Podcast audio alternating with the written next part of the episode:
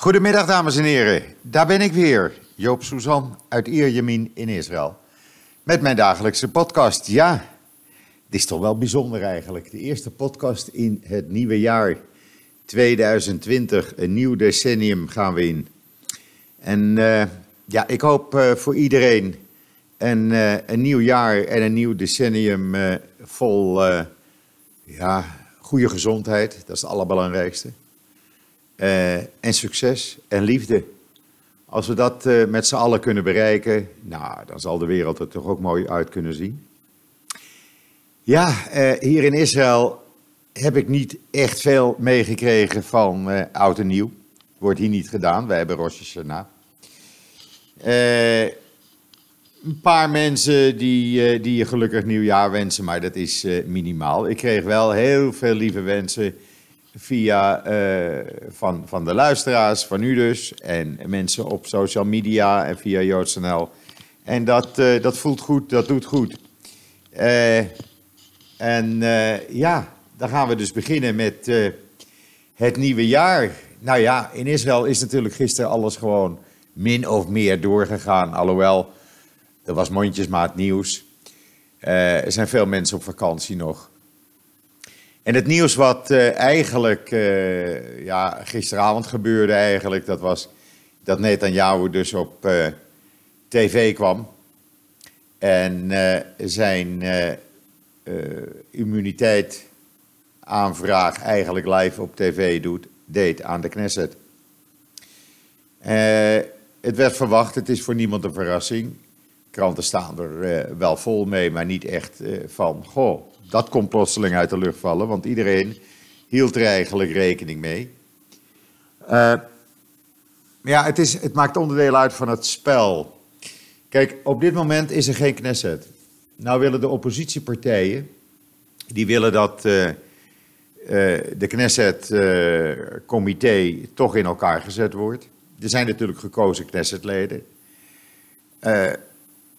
De Knesset-voorzitter zegt, uh, die ook van de Likud is, nou, ik voel daar weinig voor. Want men weet, koppentellend, dat er in de Knesset op dit moment geen meerderheid is om dit immuniteitsverzoek voor Netanyahu te honoreren. Uh, dus helpt de Knesset-voorzitter, zoals het er nu naar uitziet, hem een handje. En zegt, nou weet je wat, laten we maar wachten tot na de verkiezingen van 2 maart. Hopende dat Likud dan een meerderheid coalitie bij elkaar brengt, waardoor het immuniteitsverzoek zal worden goedgekeurd. Uh, als dat verzoek zou worden goedgekeurd, dan kan dat tot een jaar, anderhalf jaar duren voordat alles is afgehandeld. Want dat gaat dan naar het Hoge Rechtshof, er zijn weer bezwaren en daar worden weer bezwaren tegen gemaakt. In die tussentijd gaat Netanyahu zijn belofte waarmaken, die hij al een, paar maanden geleden heeft gezegd, waarvan hij zegt, ik ga de macht van het Hoge Rechtshof inperken. Dat zou kunnen betekenen dat het Hoge Rechtshof uh, ook dit niet meer kan behandelen, want Netanyahu wil dat het Hoge Rechtshof zich niet meer mengt in zaken die de Knesset aangaan. Dus bijvoorbeeld een wet die de Knesset aanneemt, of iets wat de Knesset goedkeurt, daar kan uh, daar kan het Hoge Rechtshof niet meer tussenkomen. Dat zou dus kunnen betekenen dat als uh, dat plan inderdaad zou werken van Netanyahu, hij dus uh, niet veroordeeld kan worden. En dan kan je wel zeggen, ja, hij is de premier, ja, maar hij staat niet boven de wet. En als hij onschuldig is, hoeft hij geen immuniteit aan te vragen. Zo luiden de reacties van veel Israëli's op dit moment. En men wordt dit hele spel een beetje zat. Een derde ronde verkiezingen die er nu aankomt, kost weer 350 miljoen dollar. Uh, dat is weggegooid geld. Daar kan je veel meer andere dingen voor doen. Daar kan je eh, dingen voor het land mee doen.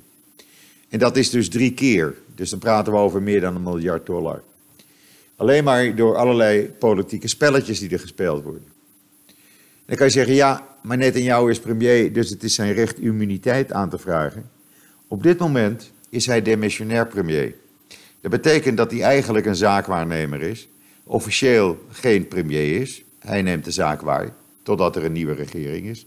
Dus eigenlijk Knessetlid is. Zo luiden alle juridische uh, artikelen hierover.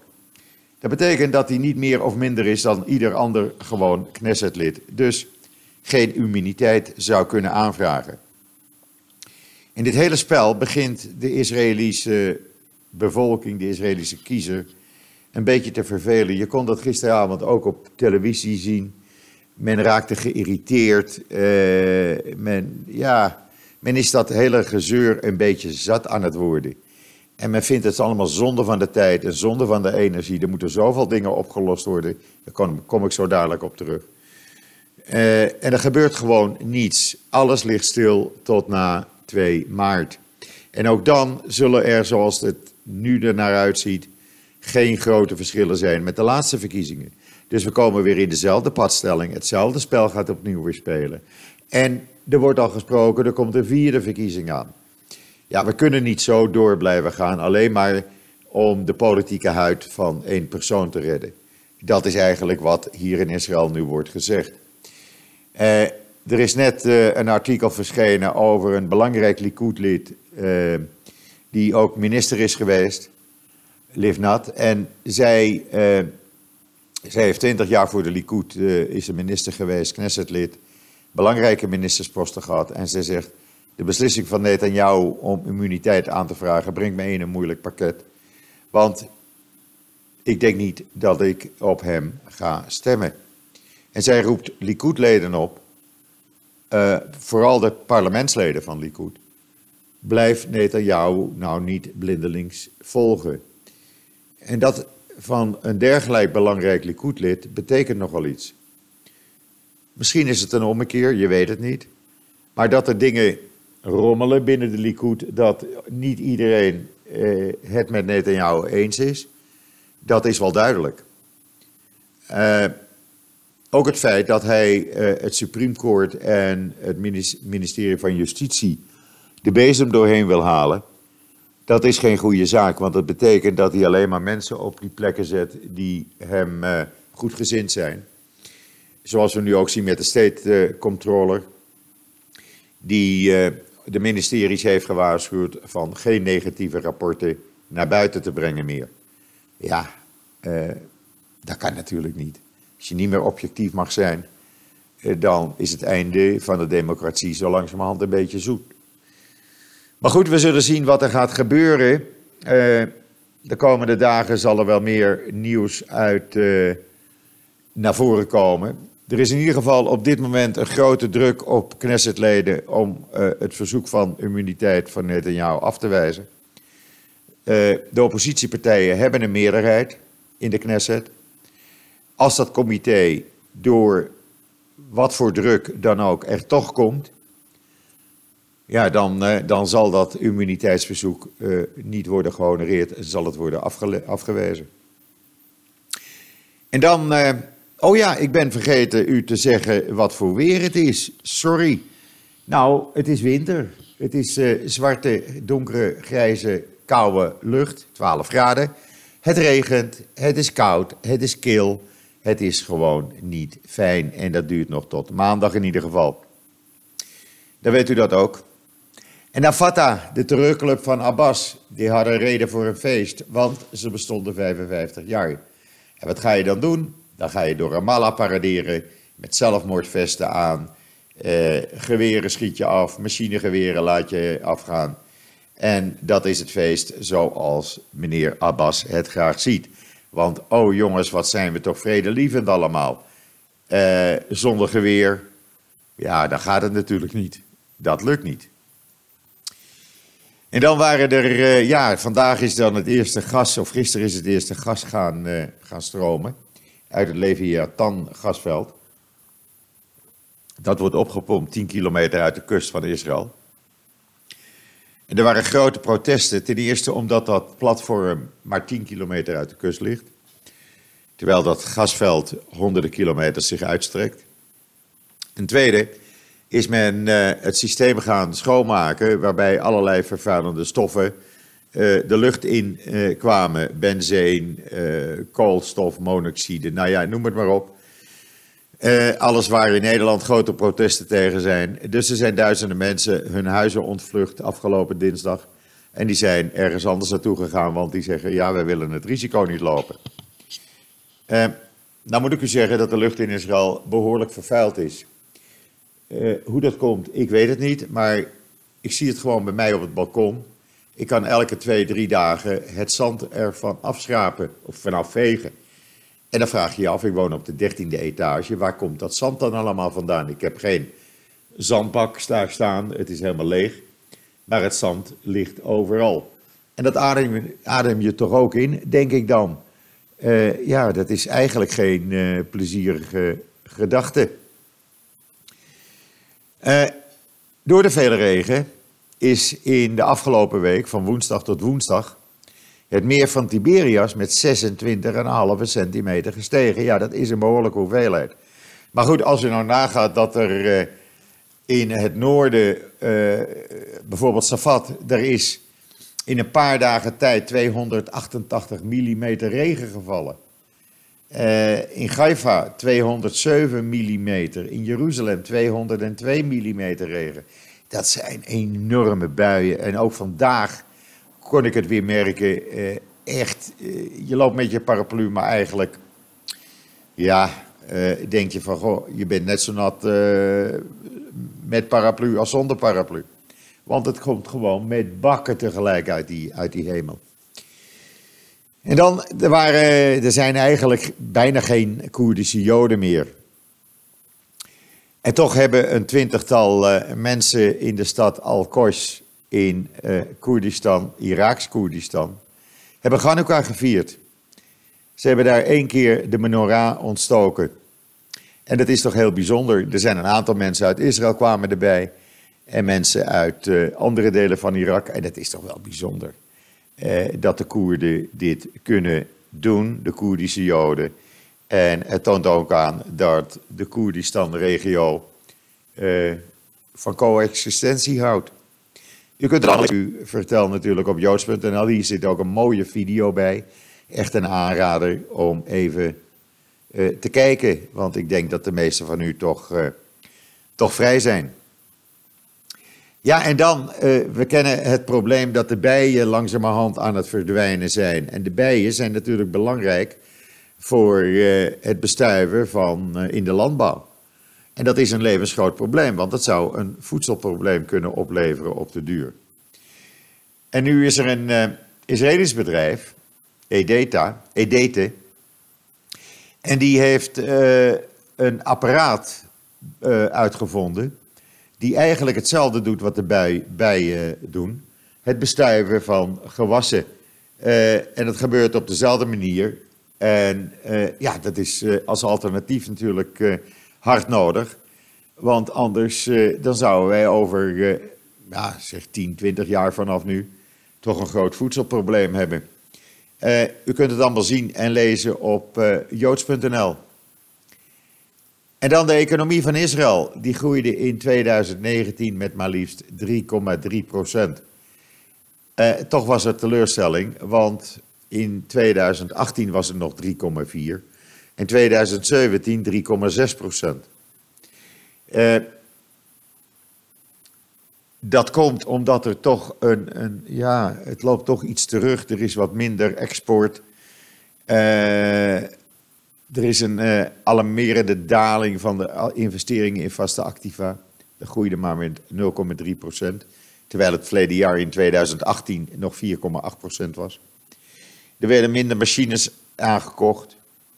Wat weer wijst op een vertraging in de economische activiteit van de uh, producerende bedrijven. Dus ja, uh, hoe het uh, dit kwartaal of deze maanden gaat worden, men hoopt dat het rond de 3% uitkomt aan het eind van het jaar, maar men rekent er eigenlijk niet helemaal op. Daarbij komt ook dat er een begrotingstekort is. van ja, pak een beet 3,8 procent. En dat is ook geen goed teken. Maar ja, we hebben geen regering, dus daar kan ook geen budget bepaald worden. En dan, als er bij een, uh, een terreuraanslag een paar doden vallen, is het hele land in rep Verleden jaar, over 2019, zijn er 350 mensen omgekomen in het Israëlische verkeer. Dat is een stijging van 10% ten opzichte van 2018. En dat is nogal wat. Eh, ook de stijging van het aantal ongelukken eh, nam enorm toe. Ja, eh, in plaats van een daling wat iedereen hoopt, is er een stijging. En ja, dan moet ik zeggen, ik merk het vaak. Ik, ik woon nu een kleine twintig jaar hier. De manier waarop er gereden wordt, is dat men niet bezig is met autorijden, maar met totaal andere dingen. En uh, de rijopleiding op zich, ja. Vooruit inparkeren is er bijvoorbeeld niet bij. Alleen maar achteruit erin inparkeren. Ik zie het keer op keer. Uh, richting aangeven, maar doen we niet aan. Uh, voorrang geven, ja, wie zegt dat dat moet? Snelheid houden, ja, is niet voor mij. Ja, 350 doden en niemand die er wakker van ligt. Ik vind het onbegrijpelijk.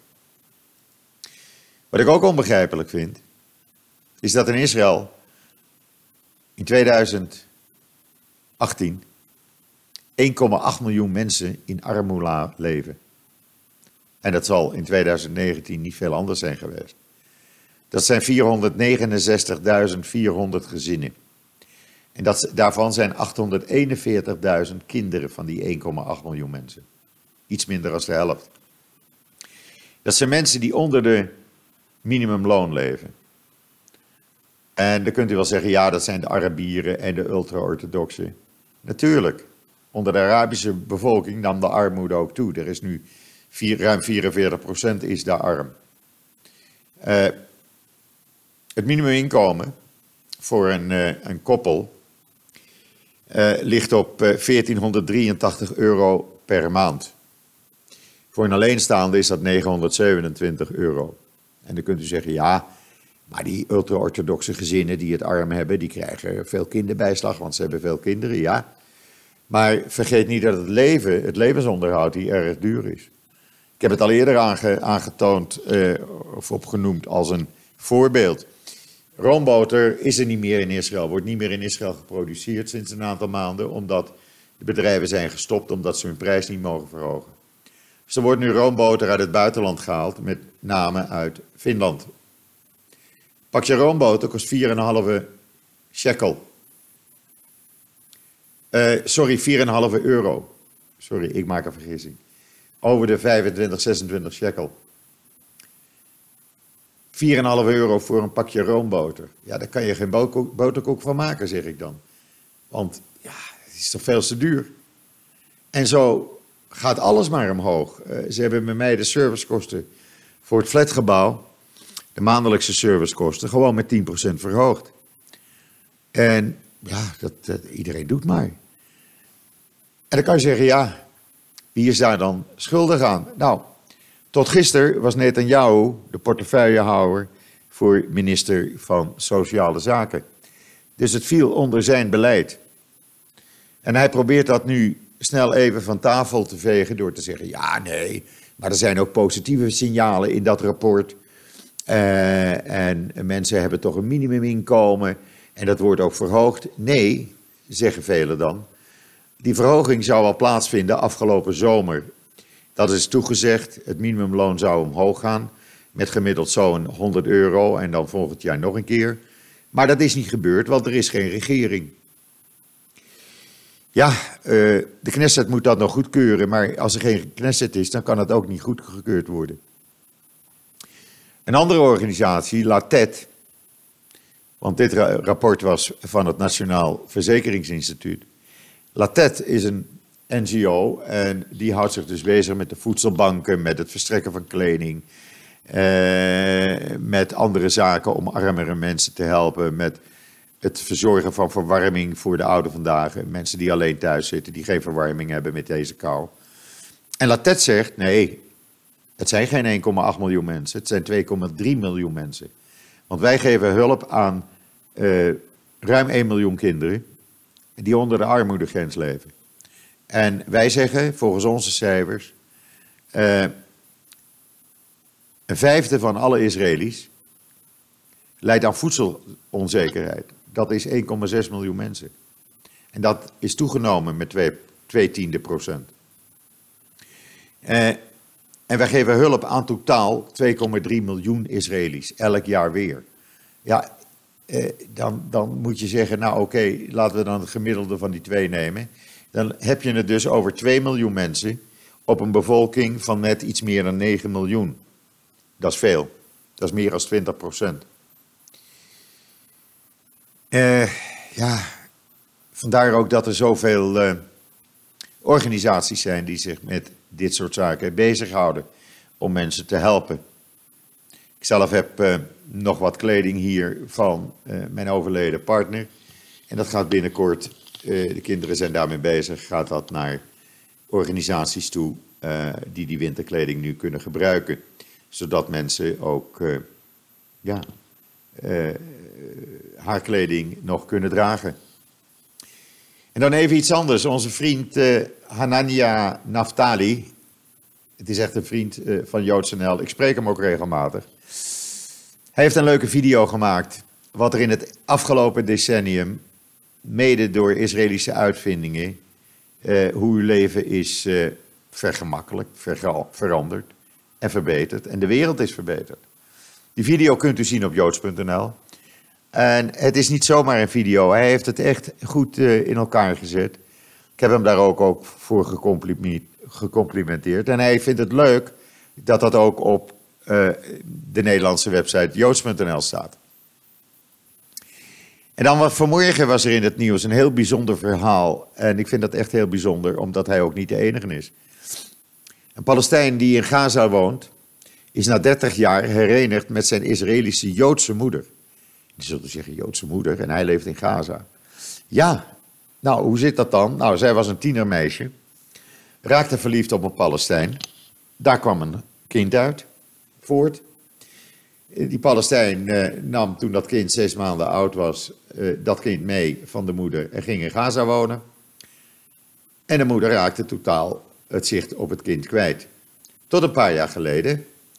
Toen werd zij uh, geattendeerd op de organisatie Yad Lachim. En deze NGO uh, lukte het om uh, op haar verzoek om haar kind, die inmiddels dus 30 is, te lokaliseren in Gaza. Uh, zij had haar telefoonnummer meegegeven. Zij is toen gaan bellen. Hij sprak bijna geen Ivriet, maar dat is hij gaan leren. Daar kwamen dagelijks lange gesprekken uit.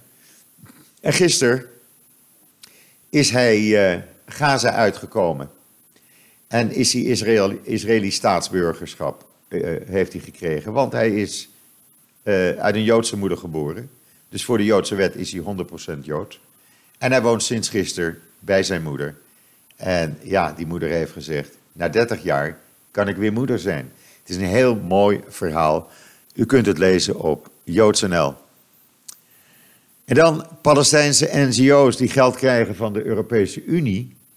Die moesten uh, bij hun subsidieaanvraag ondertekenen uh, dat zij uh, geen geld aan terroristische groeperingen zouden overdragen. Nou, dat weigerden ze. zij blijven liever geld aan terreurorganisaties geven en terroristen geven als dat zij subsidie van de EU kregen. Dus ze krijgen nu niets van de EU. De EU heeft gezegd, wij gaan deze 130 uh, eh, groeperingen geen geld meer betalen. En eindelijk een wijs besluit van de Europese Unie. En dan is het donderdag en dan bent u gewend dat joods.nl altijd een koosje recept heeft. Nou weet ik het wel, de feestdagen zijn eh, voorbij en iedereen heeft goede voornemens, minder eten. Oké, maar je kan wel minder eten, maar toch wel lekker eten. Dus we hebben een kosher recept deze week, makkelijk, gebraden kip in knoflook. En dat is lekker met citroen eroverheen en met een lekkere dressing. Het is nog glutenvrij ook. Uh, kruidnagels zitten er overheen. Uh, bleekselderij. Uh, witte wijn gooi je er overheen. peterselie, basilicum, peper, rode pepervlokken als optie. En citroenschilletjes, nou, dat zet je een tijdje in de oven, zo'n uurtje.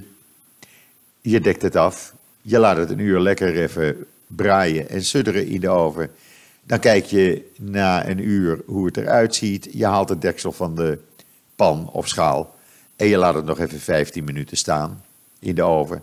En dan is het echt smullig geblazen. Ga eens proberen. En laat het ons weten of het u inderdaad gesmaakt heeft. En dan eh, vandaag en morgen krijgen duizenden Israëlische kinderen gratis nieuwe winterkleding. En dat is niet tweedehands, nee. Dat is nieuwe kleding van bedrijven die dat ter beschikking stellen. Het zijn jassen, het zijn truien, het zijn laarzen, het zijn dekens. Dat gebeurt elk jaar. En dat wordt gedaan door de organisatie Yad Ezra Veshulamit. Uh, er zit een link in het artikel op joods.nl. U kunt die organisatie steunen. Zij krijgen medewerking van allerlei bedrijven en fabrikanten in Israël die hun aan die gloednieuwe items helpen. Uh, en men doet dat omdat als je nieuw goed, uh, nieuwe kleding krijgt, dan uh, versterkt dat de eigenwaarde. Je loopt niet in een tweedehands hier rond. En dat zijn dus kinderen, ik heb het er net al over gehad, ruim 800.000 kinderen leven in armoede. En als nu deze week duizenden kinderen lachende gezichtjes hebben in Israël, omdat ze heerlijk warme nieuwe kleding hebben mogen uitzoeken. Ja, dat is toch fantastisch? Het zijn 2500 kinderen deze week. Er zit een video bij bekijk het. En dan zult u, eh, net zoals mij, net zoals ik, denken van ja, er gebeuren gelukkig genoeg goede dingen in Israël. En dat is ook zo, want het sociale hart van de Israëli's is groot, erg groot. Men heeft veel voor elkaar over. En ik heb dat, uh, u weet dat inmiddels, aan de lijve mogen ondervinden nadat mijn uh, partner overleed, ruim anderhalf jaar geleden. Goed, dat brengt mij alweer aan het einde van deze podcast. U kunt natuurlijk alle podcasts uh, terugluisteren als u even niets te doen hebt. Onder andere de podcast die ik afgelopen zondag had gemaakt met Esther Voet. Met een heel leuk uh, interview erin met Esther. Met een hele leuke podcast. Ik heb er duizenden leuke reacties op gehad. Bedankt daarvoor. Esther heeft ook heel veel leuke reacties gehad. En dat vinden we leuk. Daar doen we het voor. Ik heb u toch een beetje op de hoogte gehouden van uh, het Israël op dit moment. Wat er speelt, wat er in het nieuws is. Natuurlijk, er komt nog veel meer nieuws op joods.nl. Dus blijf joods.nl volgen. Uh, dan mist u niets. Want wij, uh, wat we doen op joods.nl is u het nieuws geven zoals het is. En niet zoals wij vinden dat het is. Er is bijvoorbeeld net nog een artikel verschenen op joods.nl, zie ik nu, over een Israëlisch bedrijf die een algoritme heeft uh, uitgevonden dat voorspelt hoe kankerpatiënten op een behandeling reageren. Dat betekent dat kankerpatiënten individueel een behandeling kunnen krijgen, omdat men al weet welke medicijnen wel en niet goed zijn voor die betreffende patiënt. En dat is goed nieuws. U kunt dat lezen op joods.nl. Dat brengt mij tot het einde van deze podcast. U weet, morgen is het vrijdag. Joop moet het huis weer schoonmaken. Moet de boodschappen doen voor de hele week. En morgen gaan we bij een van de kinderen eten. Dus zondag ben ik pas weer terug. Uh, er is mij nog een hele fijne voortzetting van deze donderdag, de 2 januari 2020 alweer, toe te wensen. Alvast een heel fijn weekend. Uh, Shabbat shalom alvast. En wat mij betreft, dat zeg ik zoals iedere, iedere keer, maar iets anders dan. Tot ziens. Tot zondag.